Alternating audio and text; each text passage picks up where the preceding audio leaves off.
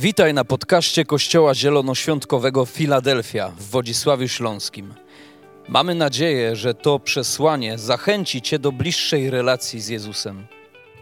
Jeżeli jesteś ciekaw, kim jesteśmy, zapraszamy Cię do odwiedzenia naszej strony internetowej filadelfia.org.pl.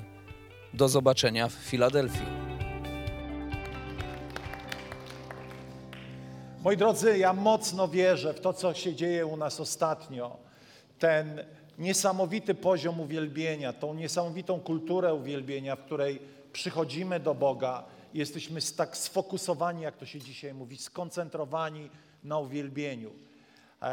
To taka myśl może nie związana z tym, o czym będę mówił, ale tak głęboko chcę wyrazić takie, takie słowo, trzymajmy się tego. Wiecie, kiedy tu stoisz i patrzysz na ludzi, to po prostu serce rośnie, jak Boży lud rozumie, że to, co się dzieje, to nie jest śpiewanie piosenek. To nie jest śpiewanie piosenek. To jest wchodzenie w Bożą obecność poprzez uwielbianie, czyli w sposób śpiewany ogłaszanie cudowności Boga. Tak można to parafrazować. Bo uwielbianie to jest mówienie o tym, jak Bóg jest wspaniały. I my przychodzimy tutaj i po prostu wspólnie po, po, po całym tygodniu chcemy wyśpiewywać, ogłaszać, opowiadać, jak Bóg jest cudowny. Amen. To takie zdechłe te amen? Amen, amen. Amen. Wiem, że jest deszcz. Ja też od rana wchodzę na burmuszony. Wiem, że wszyscy myślą, że ja zawsze jestem uśmiechnięty. Nie, coś jakaś mucha dzisiaj przeleciała mi na nos. Ja mam wrażenie, ja, ja, ja trochę to przeżywam, te wszystkie różne, wiecie, mm, e, obostrzenia, te strefy. E, I to, co mi ratuje życie, to, co mi ratuje życie, to to. I o tym dzisiaj będę mówił. Nie ma szczęścia bez zrozumienia roli Bożego Słowa w Twoim i w moim życiu. I wiecie, chciałbym uciec od takiego kościelnego gadania w stylu chrześcijanie studiują Biblię. E, chrześcijanie muszą czytać Biblię, bo to jest ich święta księga. E, ja kiedyś mówiłem, miałem takiego kolegę na studiach, on był e, z Libii e, i w Libii był Muammar Kaddafi i, i wszyscy Libijczycy mieli taką zieloną książeczkę.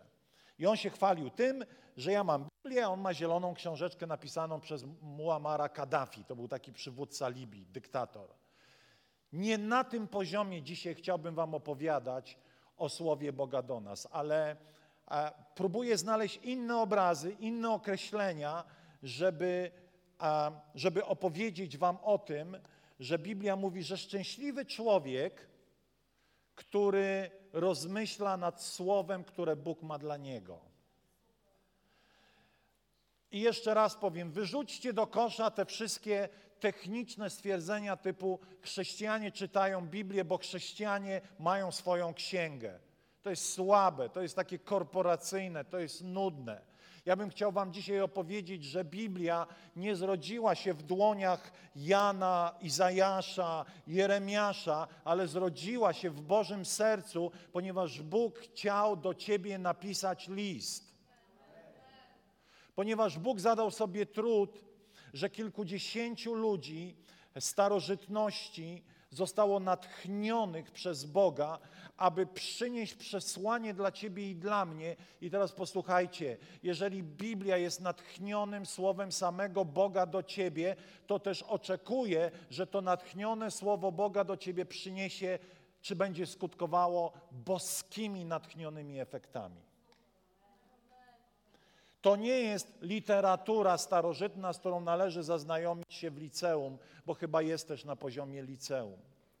I chciałbym Wam dzisiaj powiedzieć, jak Biblia, jak, jak, jak Biblia definiuje Biblię w kontekście szczęścia. I posłuchajcie, bo to jest absolutnie cudowne. To jest jeden z moich ulubionych psalmów, więc pozwolicie, że otworzę psalm pierwszy. Otwórzcie psalm pierwszy.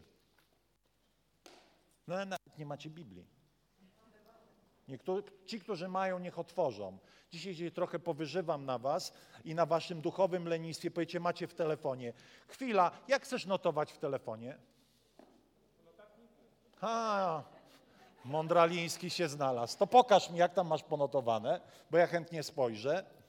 Dzisiaj będzie konfrontacyjnie, jestem taki, wiecie, naburmuszony. Nie, nie jestem naburmuszony, ale mam wrażenie, że musimy odbudować kulturę słowa. E, najlepiej papierowego. Wiecie, że czasami ja nie chcę uderzać, zrozumcie, to nie na tym rzecz polega, ale ja chciałbym zadać, zadać Wam pytanie, dlaczego nie masz papierowej Biblii? Bo co kilogram ci waży w torebce? Bo co szkoda ci 100 zł? Po ile jest Biblia, Ania? 89 ekonomiczna wersja, bo szkoda ci 89 zł. Spójrz na swoją bluzkę, ile kosztowała? 50, to odłóż dwie bluzki, będziesz miał Biblię papierową. Jeżeli jesteś pierwszy raz, spokojnie, nie stresuj się, e, dajemy dzisiaj ulgę. Ale wiecie, e, jeden z, z, twórców w ogóle idei progresywnego kościoła, takiego wiecie, komunikowanego w sposób współczesny, Phil Pringle, to jest taki pastor z Australii, on powiedział tak, lubię nowoczesność, lubię media, ale Biblię mam ciągle papierową.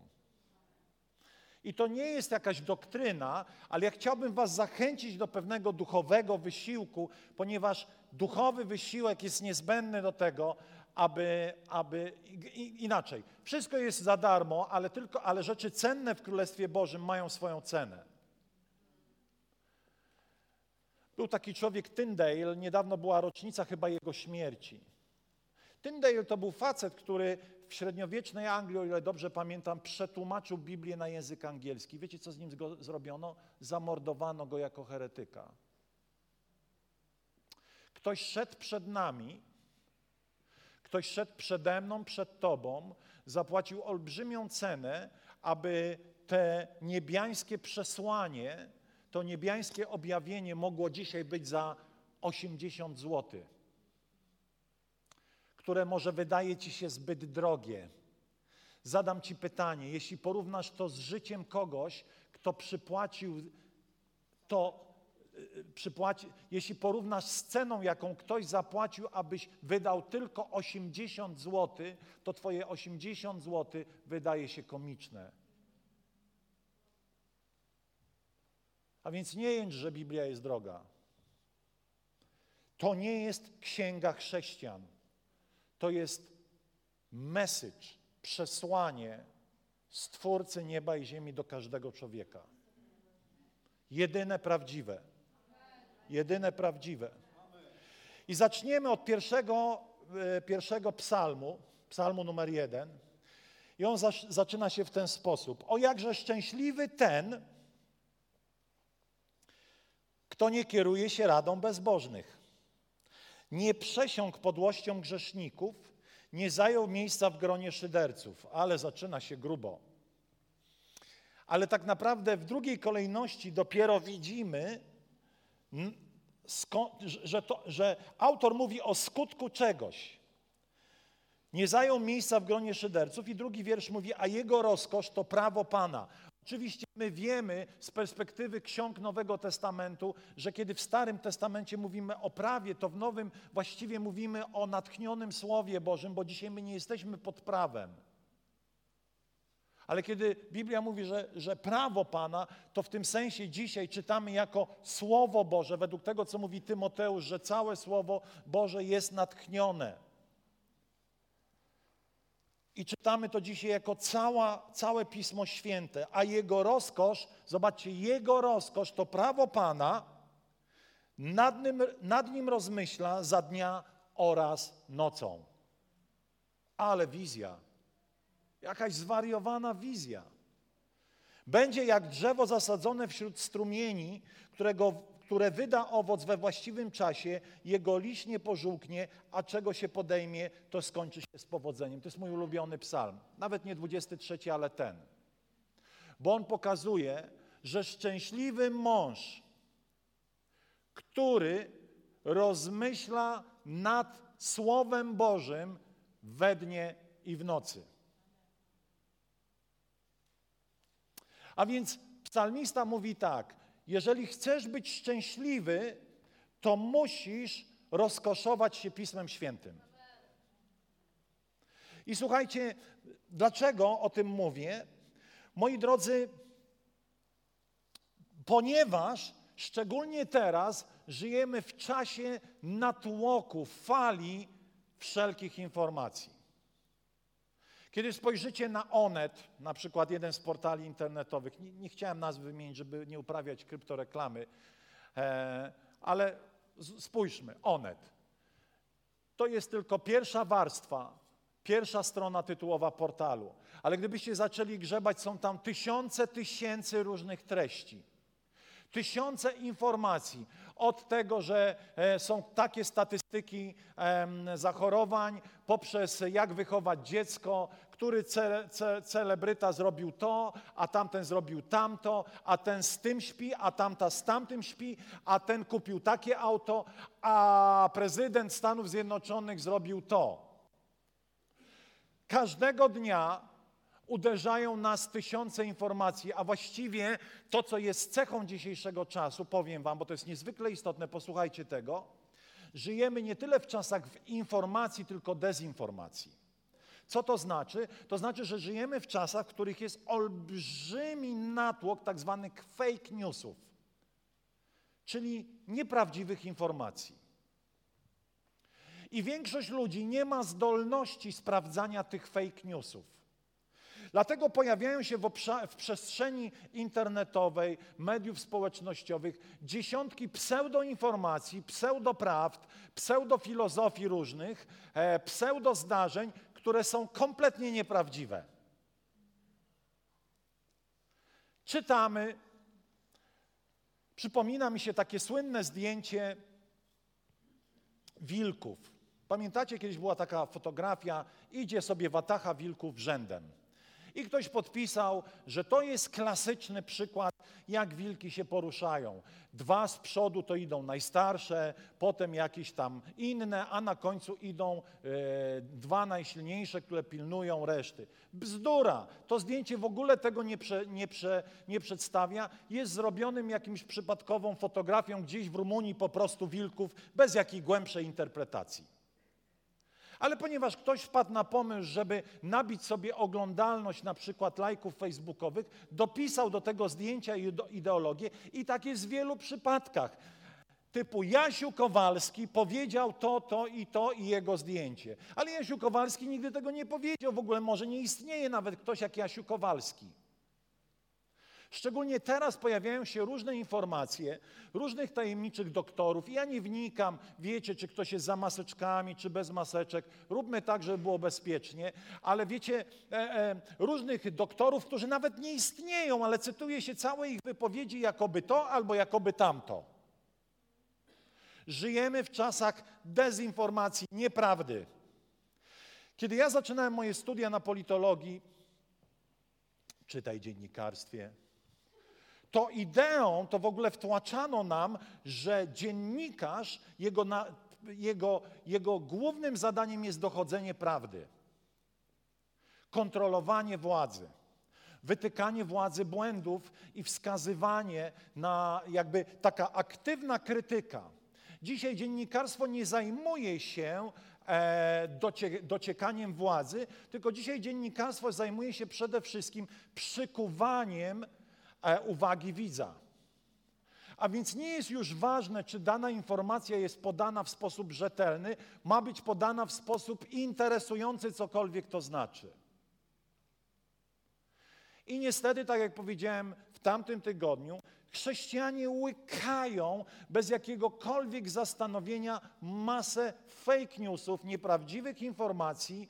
Ci, którzy mają Ducha Świętego, ci, którzy mają po prostu mózg jakoby natchniony Bożą obecnością i Bożą mocą, łykają wszystko, e, kłócą się o rzeczy drugoplanowe, e, są w stanie wyzywać się publicznie, etc., etc., w imię rzekomo jakichś objawionych praw. Dlaczego o tym mówię? Dlatego, że potrzebujemy w tym czasie dezinformacji umieć rozpoznać co jest nieprawdą, co jest fałszywą filozofią, chociaż nawet brzmi podobnie niż to, w co my wierzymy, i nie łykać wszystkiego, chociaż to brzmi atrakcyjnie dla mojej nieodrodzonej, słuchajcie, jeszcze raz to powiem, czy, czy jakby tej mojej skażonej części duszy. Dlatego, że Biblia mówi, nie jedna droga człowiekowi wydaje się sprawiedliwa, słuszna. Nawet, można powiedzieć, wydaje się Boża. Ile razy to przychodzili do mnie ludzie z różnymi problemami i wiecie, e, człowiek nawet kiedy przychodzi do drugiego człowieka, nie chce e, posłuchać rady, on chce potwierdzenia swojej własnej teorii. I te teorie bardzo często były bardzo blisko prawdy, ale prawdą nie były.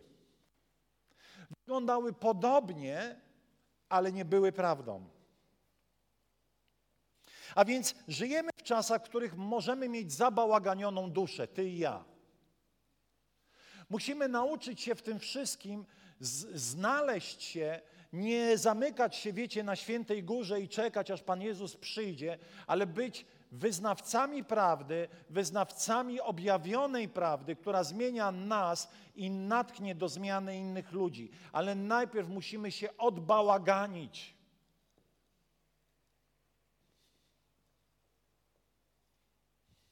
Ponieważ to co, przy, to, co przyjmujemy dzisiaj, zadecyduje o poczuciu naszego szczęścia. I powiem Wam tak, a szczęście w definicji Biblii, ja teraz to sparafrazuję, możecie to sprawdzić, e, podjąć jakieś studium na temat szczęścia. Szczęście to nie jest chwilowa pozytywna emocja w Biblii. To jest jakieś zadowolenie, ono jest fajne. Bóg coś zrobił, aleluja, super. Ale szczęście to raczej jest pewien fundament, Albo inaczej, dzięki pewnemu fundamentowi mamy poczucie szczęścia, poniżej którego nie spadniesz bez względu na to, jakie masz bieżące emocje. To jest bardzo ważne. Mogą do, możesz doświadczać trudnych momentów, ale ponieważ Twoje szczęście zostało zbudowane na solidnym fundamencie słowa, to nie spadniesz nigdy niżej niż ten fundament. Możesz mieć zburzone ściany przez chwilowe wojny, awantury, ale szczęście to jest więcej niż chwilowe zadowolenie. Halo, tu ziemia. Często ludzie myślą, że szczęście w definicji jest to jakiś jedynie euforyczny stan. Fajnie, kiedy jest euforia, ale czasami jej nie ma. Ale jest fundament który dobrze zbudowany sprawia, że moje szczęście to coś więcej niż chwilowe wow. Chociaż uwielbiam to wow, jestem artystą, uwielbiam pozytywne emocje, nawet uwielbiam się smucić, popłakać się do jakiejś smutnej muzyki, uwielbiam emocje. Ale gdybym miał według nich tylko żyć, byłbym najbardziej chyba niestabilną osobą na kuli ziemskiej.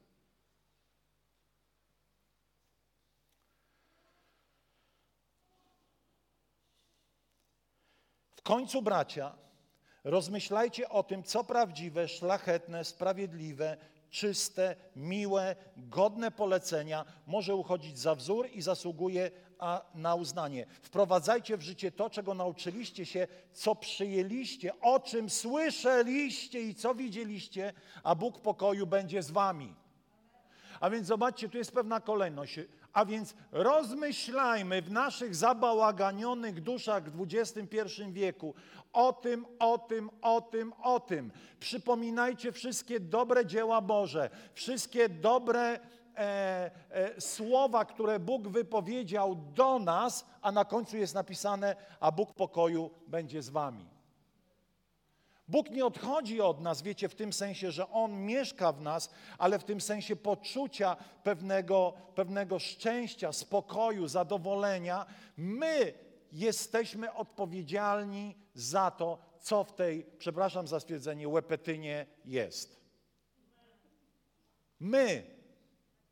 A więc jeżeli nie mam słowa, albo inaczej, może za chwilę do tego dojdę, oto Potrzebujemy, potrzebujemy adoptować do swojego życia absolutnie rzeczy, które przynoszą nam życie. My to wiemy, a bardzo często robimy zupełnie coś odwrotnego. Potrzebujemy w tych zabałaganionych czasach poruszać się w Bożej mądrości. A Bożej mądrości nie znajdziesz w czasopiśmie, nie wiem, jakieś takie babskie, twój styl. Ono jest fajne, klasa, ale tam Boża mądrość raczej nie przebywa. Party, o, party. Party. Tele, tele jeszcze coś było, nie? Tele, tele co? Telenowela? Nie, telemagazyn? Telemagazyn. Głupota aż boli.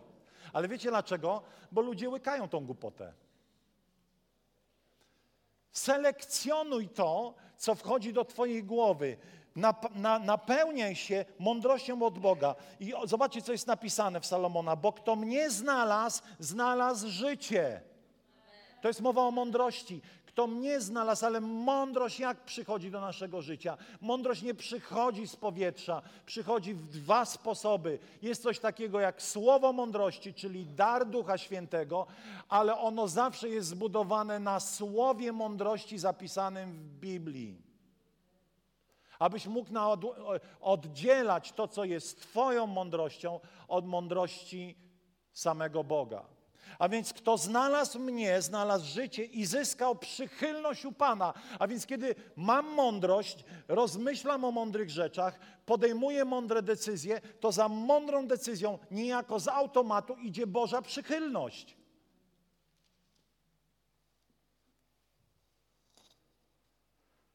Ale ten, kto mnie lekceważy, zadaje gwałt własnej duszy. Duszy. Czyli mojemu umysłowi, mojej woli, moim emocjom, moim myślom. Wszyscy, którzy mnie nienawidzą, kochają śmierć. U, jakie mądre, jakie mocne. A więc co dzisiaj wybierzemy, co stanie się naszą mądrością? Gdzie to znajdziemy? Czy jeżeli będziesz wybierał ludzkie rady, to nie znaczy, że nie mamy słuchać rad mądrych ludzi, bożych ludzi, czasami ludzi mądrych w jakiejś dziedzinie, nawet niekoniecznie bożych, ale po prostu mądrych w jakimś obszarze. Jeżeli ktoś jest dobrym fachowcem od wykańczania wnętrz i, i jest uznany, nie musi być chrześcijaninem, żebym słuchał mądrego człowieka. Jesteście ze mną?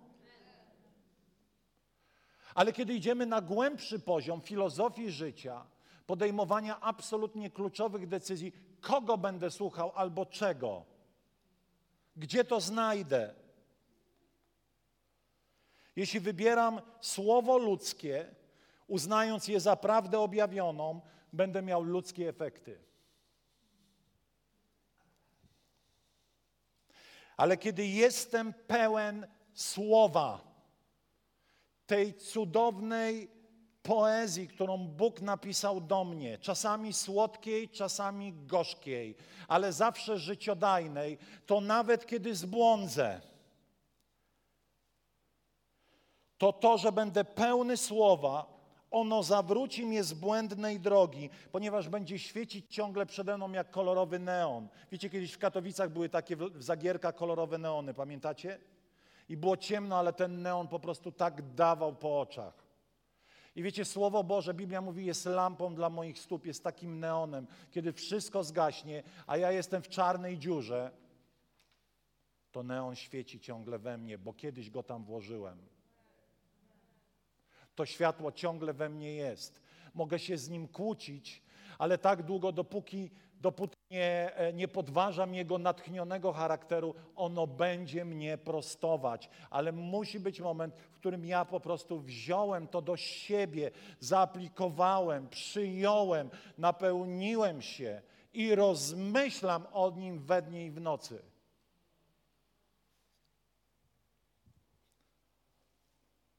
A więc kiedy przyjmuję słowo, rozmyślam o nim, e, o nim na, to uczę się odrzucać to, co nie jest w zgodzie z Jego słowem. Ponieważ jest napisane w 119 psalmie, jeszcze raz powiem, Twoje słowo jest pochodnią dla mych nóg. W naszej duszy kotłuje się wiele rzeczy.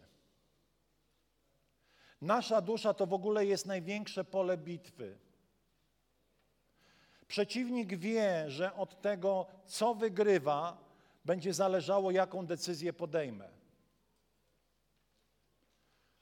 Przeciwnik wie, że jeszcze raz wrócę do tego momentu, dlatego że wiem, że wielu z nas podjęło złe decyzje i, i czuję się winnych w tym, ale, ale dlaczego wiesz, że podjąłeś złą decyzję?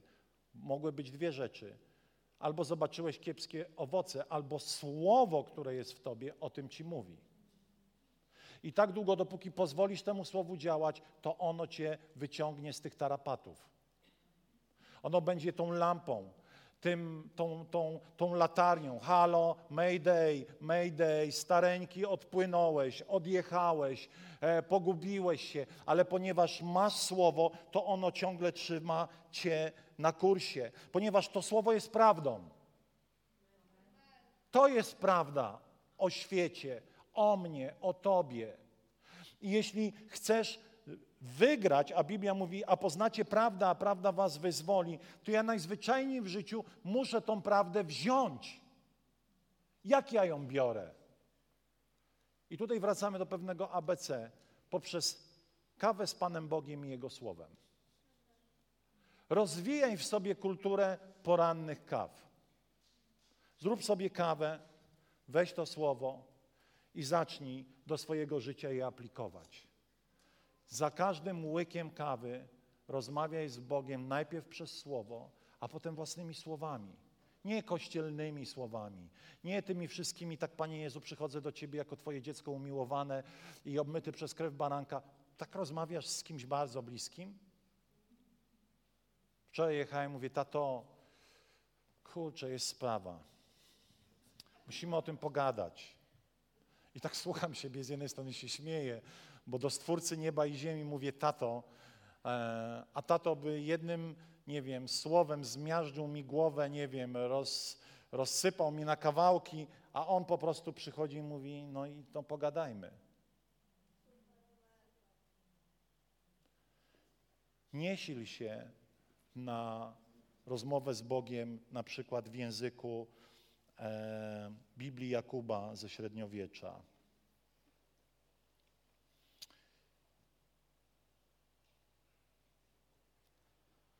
Kiedy masz w sobie słowo, to masz GPS-a.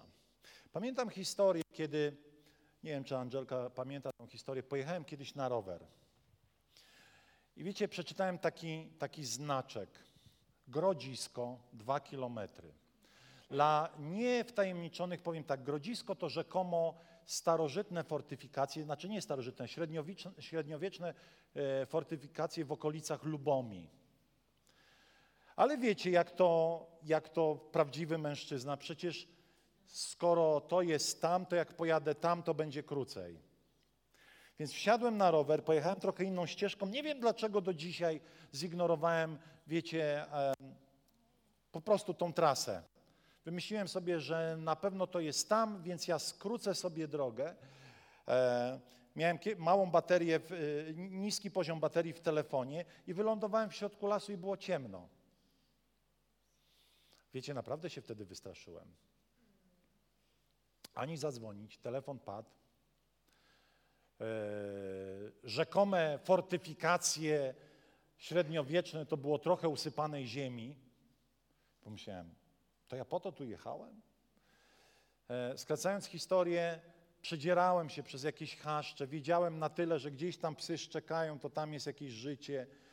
Eee, I wiecie, kiedy nie masz tego światła w sobie, tego GPS-a w postaci słowa, to jesteś jak ja, błądzisz. Po prostu błądzisz. Giniesz. Coraz bardziej jesteś poplątany, zagmatwany, dlatego że nie ma GPS-a, nie ma tej lampy dla Twoich stóp. Ale ponieważ my żyjemy w czasach ogólnej wygody i pewnego duchowego lenistwa, to bardzo często redukujemy nasz duchowy posiłek do niedzielnego McDonalda. Przepraszam, że tak o sobie mówię, ale to jest trochę takie drive-thru, drive-in. Wejdę tutaj, wysłucham i pójdę i do następnej niedzieli moja przygoda z Bogiem, ze Słowem się kończy. Zadam wam pytanie, klasyczne. Jeszcze raz powiem, może to tu zadawałem, może nie. Kto z Was pamięta, co jadł tydzień temu na śniadanie? Jak wszyscy jedzą płatki owsiane, no to wiadomo. Dobrze. Czy płatki owsiane to jest jakaś super potrawa? Nie. Ale gdybyś ich nie jadł i nic nie jadł, żyłbyś dalej? Nie.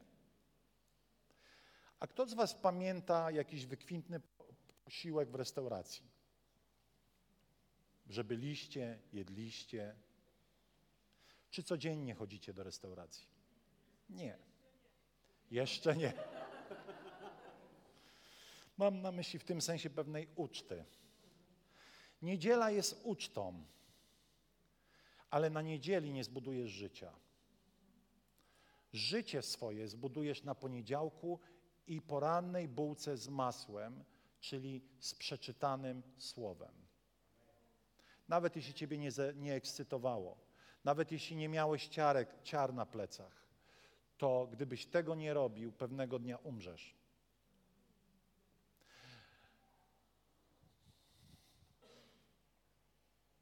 Codzienne rozmyślanie, częste rozmyślanie przyniesie szczęście dla Twojej duszy. Pamiętacie, wracamy do tego psalmu. Szczęśliwy człowiek, który rozmyśl, który nie zasiada w gronie szyderców. Dlaczego on nie zasiada w gronie szyderców? Dlatego, że rozmyśla o zakonie Pana. To jest to jest tak, nie robię tego, bo rozmyślam nad zakonem Pana, nad Słowem Bożym, więc mam siłę nie robić tamtego. Albo kiedy przyjdzie pokusa, żeby to zrobić i nawet to zrobię, to wiem przynajmniej, że zrobiłem coś niewłaściwego. A więc rozmyślam o zakonie Pana dniem i nocą. To nie jest redukowane jedynie do tego poranka, ale nie ma o czym rozmyślać, jeśli nie ma poranków. Rozumiecie, co chcę powiedzieć? Jeśli nie zjadłeś śniadania, to nie ma w tobie tego, co będzie wspomnieniem tego śniadania, bo go nie było. A więc, żebym mógł rozmyślać o zakonie Pana, który uratował mi wiele razy życie, w sensie Słowa Bożego, to muszę je po prostu w jakimś momencie skonsumować, zaaplikować dla samego siebie. Dlaczego? Bo to nie jest książeczka, którą czytają chrześcijanie, tylko to jest moc Boża ubrana w litery. To jest moc Boża ubrana w litery. Dlatego, że jest napisane i rzekł Bóg i stało się. Wiecie, bardzo często ludzie lekceważą moc tego słowa. Po, zrobię z wam, wam eksperyment. W ogóle każde słowo ma moc. Każde słowo. I słowo ludzkie, i słowo, słowo boskie. Oczywiście wiemy, że słowo boskie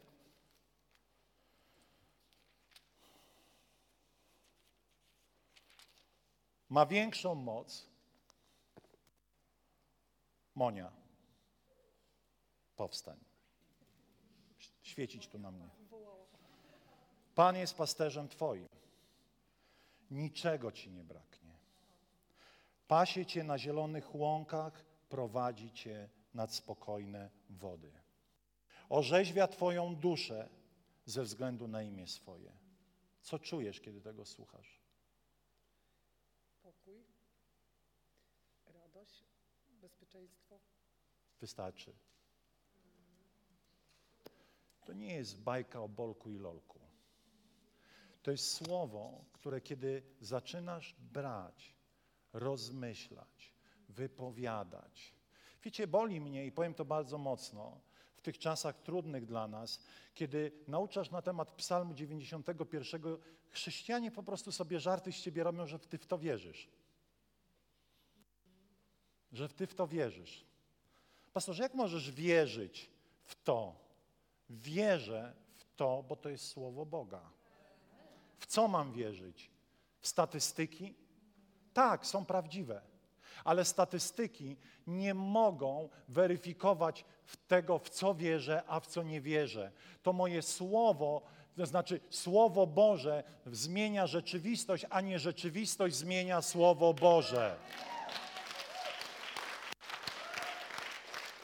Tego mnie nauczyli moi duchowi mentorzy, moi ojcowie, tego nauczyło mnie Słowo Boże, że Pan posyła Słowo, które mnie ule, uleczy. Pan posyła Słowo, które jest prawdą i które wypuszcza mnie na wolność. Nie może być tak, posłuchajcie tego, nie może być tak, że to okoliczności wpływają na Słowo, ale to Słowo wpływa na okoliczności. To nie okoliczności będą mi mówiły, w co mam wierzyć, ale Słowo będzie mi mówić, w co ja mam wierzyć.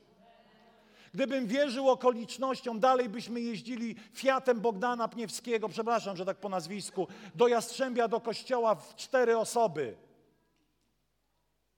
Bo fakty mówiły to, oni są małą grupą, skłóceni, ciągle jakieś problemy. Gdybym wierzył okolicznościom, nie siedzielibyście w tym miejscu.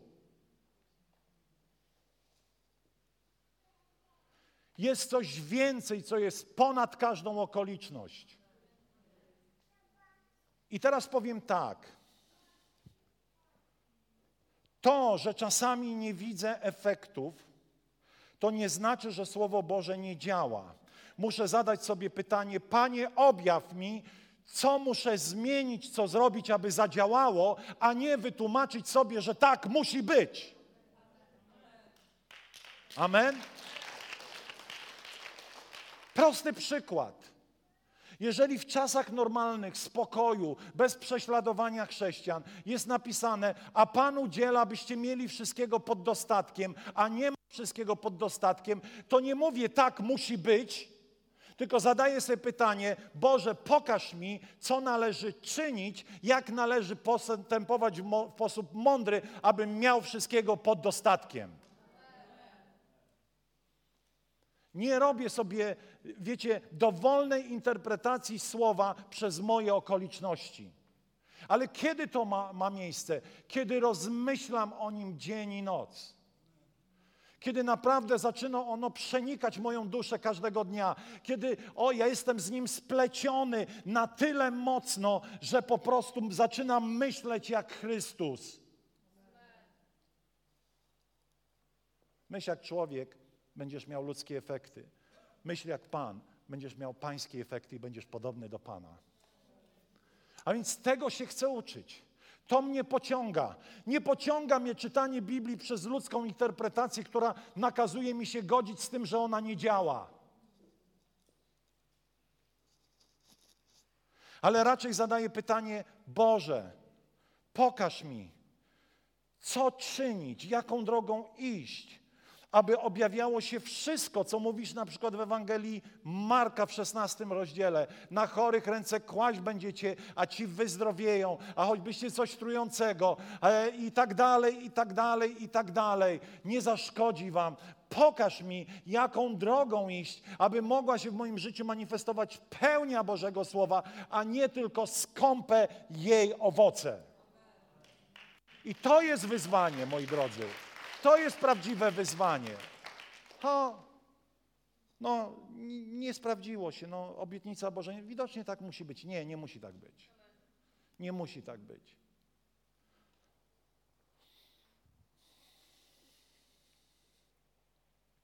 Jestem roztropniejszy od mych nauczycieli, gdyż rozmyślam o Twoich postanowieniach. Gdyż rozmyślam o Twoim słowie gdyż całe słowo jest natchnione przez Boga. Jeszcze raz powiem, to nie jest książka chrześcijan. To jest księga dla całej ludzkości. Ponieważ Bóg zadał sobie trud, pozbierał kilkudziesięciu ludzi, którzy nigdy nie spotkali się w jednym czasie i w jednym miejscu z wyjątkiem ewangelistów, ale i tak każdy pisał inaczej. I ci ludzie nigdy nie spotkali się w tym samym czasie, a jednak Bóg takich użył, że stworzyli coś, co jest absolutnie doskonale spójne. Nie widzieli się. Nie widział się Mojżesz z Jeremiaszem, z Izajaszem. A jednak przez lata Bóg kompletował ten list, ten pakunek niebiańskich pereł, które mamy dzisiaj, a które były tak niebezpieczne dla przeciwnika, że zabijał, że palił wszystkich tych, którzy chcieli umieścić tą księgę w każdym domu i w sercu każdego człowieka.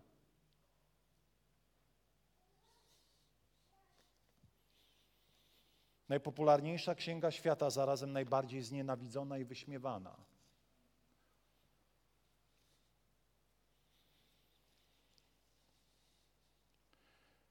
Chcesz kwitnąć, nie przekwitać, ale kwitnąć. Uf. Rozmyślaj nad słowem. Rozmyślaj nad słowem. Nie przekwitaj. Wiem, zabrzmiało to źle, przepraszam. Chcesz osiągnąć powodzenie, stosuj słowo. Oto Pan Jezus mówi: Nie samym chlebem człowiek żyje. Żyj tak, abyś nie żył samym chlebem. Ale wiecie, ludzki umysł żyje bardzo często tylko chlebem. Co mi powiesz, że opowiadam o jakimś słowie? Ja muszę wiedzieć, co do garnka włożyć. Jakie to jest słabe. Ludzie zapłacili cenę. Pan Bóg zadał sobie trud, zebrał tych wszystkich autorów, mniej lub bardziej utalentowanych. Musiał ich natchnąć. Oni to pisali. Nawet rybaka użył, bo, bo tak chciał. To jest w ogóle genialne. Rybak napisał listy natchnione. Po to, żebyśmy my byli coraz bardziej podobni do Niego.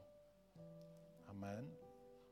Ktoś szedł przed nami, aby te cudowne diamenty mogły zostać Ci dane. Słowo Boże, Biblia mówi, jest jak, ciepło mi słowo, ziarna. One wpadają do gleby, ale rozmyślanie o nich jest jak podlewanie tych ziaren. To, że wpadły, świetnie, ale kiedy rozmyślasz o nich, one zaczynają rosnąć w Twojej duszy, oplatać Cię. One zaczynają korygować wszystkie wyniosłe myśli, tak jak mówili do Koryntian, o ile dobrze pamiętam, podnoszącą się pychę przeciwko poznaniu Boga. One zaczynają oplatać Twój często niedojrzały charakter. One stają się tym lekarstwem dla Twoich zranień, dla Twoich różnych deficytów duszy. To nie jest księga do walki z innymi chrześcijanami, bo jest napisane: badacie pisma, gdyż wierzycie, że macie w nich żywot wieczny, a one składają świadectwo o mnie. Kiedy zabierzemy z pism potrzebę bliskości z Panem, staje się ona księgą na wzór każdej innej religijnej księgi. Ale kiedy ją nasączysz pragnieniem bliskości z Bogiem i przybywaniem z Bogiem, ona zaczyna przemawiać najczystszą obecnością Bożą. To nie jest magia. Niby to samo, a jednak nie to samo. Jedni czytają, ponieważ wierzą, że mają w nich żywot, a inni czytają, aby przyjść bliżej samego Pana. Powstańmy.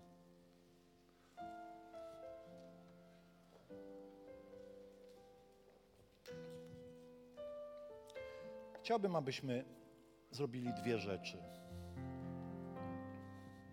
Pierwsza to taka, abyśmy pokutowali. Pokutowanie to znaczy zmienili swój sposób myślenia, e, odwrócili się od takiego e, bezsłownego chrześcijańskiego życia. Czyli życia chrześcijanina bez słowa Boga. Nie podejmuj żadnych postanowień, bo im więcej podejmujesz postanowień, tym więcej jest klap. Nie musisz od dzisiaj sobie mówić, od dzisiaj będę czytał Biblię. Nie, po prostu przeżyj w tej dziedzinie głębokie nawrócenie. I coś z tym rób. Kup Biblię. Przestań ściemniać jedynie w tym telefonie. Ja wiem, że to brzmi trochę tak legalistycznie, ale, ale ja nie wierzę do końca w to, że mając Biblię w telefonie można być takim efektywnym studentem. Może jestem ciołek, zacofany i rzadko jestem legalistyczny, ale kup papierową. Co ci zależy? Woź ją ze sobą wszędzie. Zabieraj ją do swojej torebki w niedzielę. Zabieraj ją na każdy wyjazd. Jeśli jej nie zabierzesz, miej poczucie winy, że go nie zabrałeś, że jej nie zabrałeś. Nie rozstawaj się z nią. I to jest pierwsze, co chciałbym zrobić, aby każdy z nas stanął i powiedział: Tato, przepraszam, naszyłem. Wiem, że stworzyłem jakąś swoją koncepcję chrześcijańskiego życia. Wpadam w niedzielę, coś tam dziabnę i lecę dalej. A potem narzekam, że jestem taki popyrtany. Panie, nawróć nas z tego takiego lenistwa duchowego. Ojcze, odbuduj nas ten żar kochania Twojego słowa, które przecież jest Tobą. Tato, przepraszamy Ciebie za te wszystkie takie duchowe rozleniwienia, spłycania tej chrześcijańskiej drogi. Tato, ludzie umierali za słowo, a my dzisiaj tak bardzo nie doceniamy tego. Niech takie objawienie, przemiana w tym obszarze dotknie naszego życia.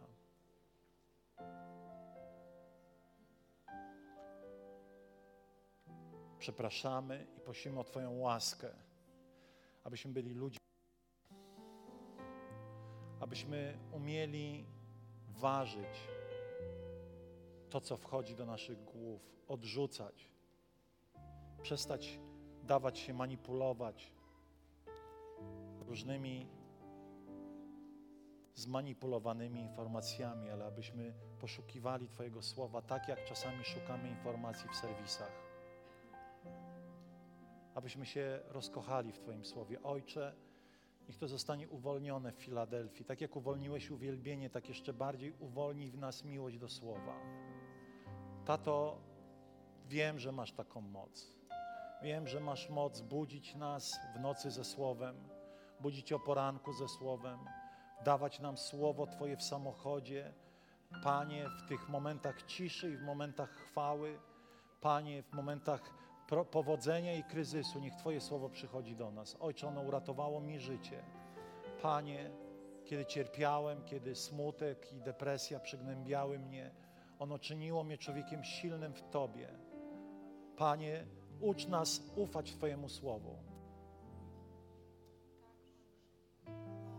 Wyrzekamy się takiego niesfokusowanego na Słowie życia. Panie, wyrzekamy się tej ciężkości duchowej. Będziemy za chwilę uwielbiali Boga. Jeszcze przez chwilę zróbmy drugą rzecz. I ona wymaga od nas, ja wiem, że są obostrzenia, ale one w Kościele nie zmieniły się wcale od tego, co było tydzień temu i tak dalej. Cieszę się, że, że pilnujecie tych wszystkich spraw. A ja chciałbym teraz, żebyśmy zrobili coś, oczywiście nie chcę wchodzić już w te wszystkie sanitarne rzeczy, o których tu mówimy tyle, ale chciałbym, żebyśmy zrobili trochę taki harmider. To znaczy polegający na tym, abyś podszedł do kogoś, Pewnie nie uda się podejść do każdego, ale poproś Ducha Świętego teraz, aby dał Ci jakieś proste słowo prorocze, zachęty do jakiejś osoby. Może nigdy tego nie robiłeś, ale, ale zrób coś prostego, proste słowo inspiracji. Nie wolno tutaj nikogo traktować teraz, będę objawiał Twoje grzechy, nie wolno Ci takich rzeczy teraz robić. Ale chciałbym, żebyś, bo tak Bóg dzisiaj nie działa, chciałbym, żebyś podszedł do kogoś i po prostu położył swoją rękę i powiedział: czuję, że Bóg mówi do ciebie to i to. Powiedz coś budującego, powiedz Duchu Święty, daj mi słowo zachęty, pocieszenia, inspiracji. Ja wiem, że to jest y, pewna droga wiary. Jeśli, jeśli nie masz odwagi, nie rób tego, ale, ale chciałbym, żebyśmy rozwijali też taką kulturę takiego dobrego słowa do życia innych ludzi. Śmiało. Ja teraz będę się modlił, a Ty po prostu powiedz, Duchu Święty, użyj mnie. Proszę zespół, zespół będzie grał, a my będziemy tu przez chwilę jeszcze go uwielbiać, podchodzić do siebie, błogosławić siebie. To wymaga pewnego ryzyka, ale wszystko w wierze wymaga ryzyka. Panie, modlimy się teraz, abyś mówił do nas, podejdź do kogoś, połóż swoją rękę i zacznij się modlić. I mów, Duchu Święty, daj mi jakieś słowo do tej osoby. Trzy, dwa, jeden, start.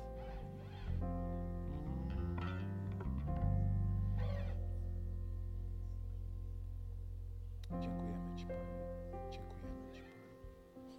Dziękujemy Ci, Panie. Dziękujemy Ci, Panie. Śmiało, śmiało. Zróbmy pe pewien harmider tutaj. Uwielbiamy Cię.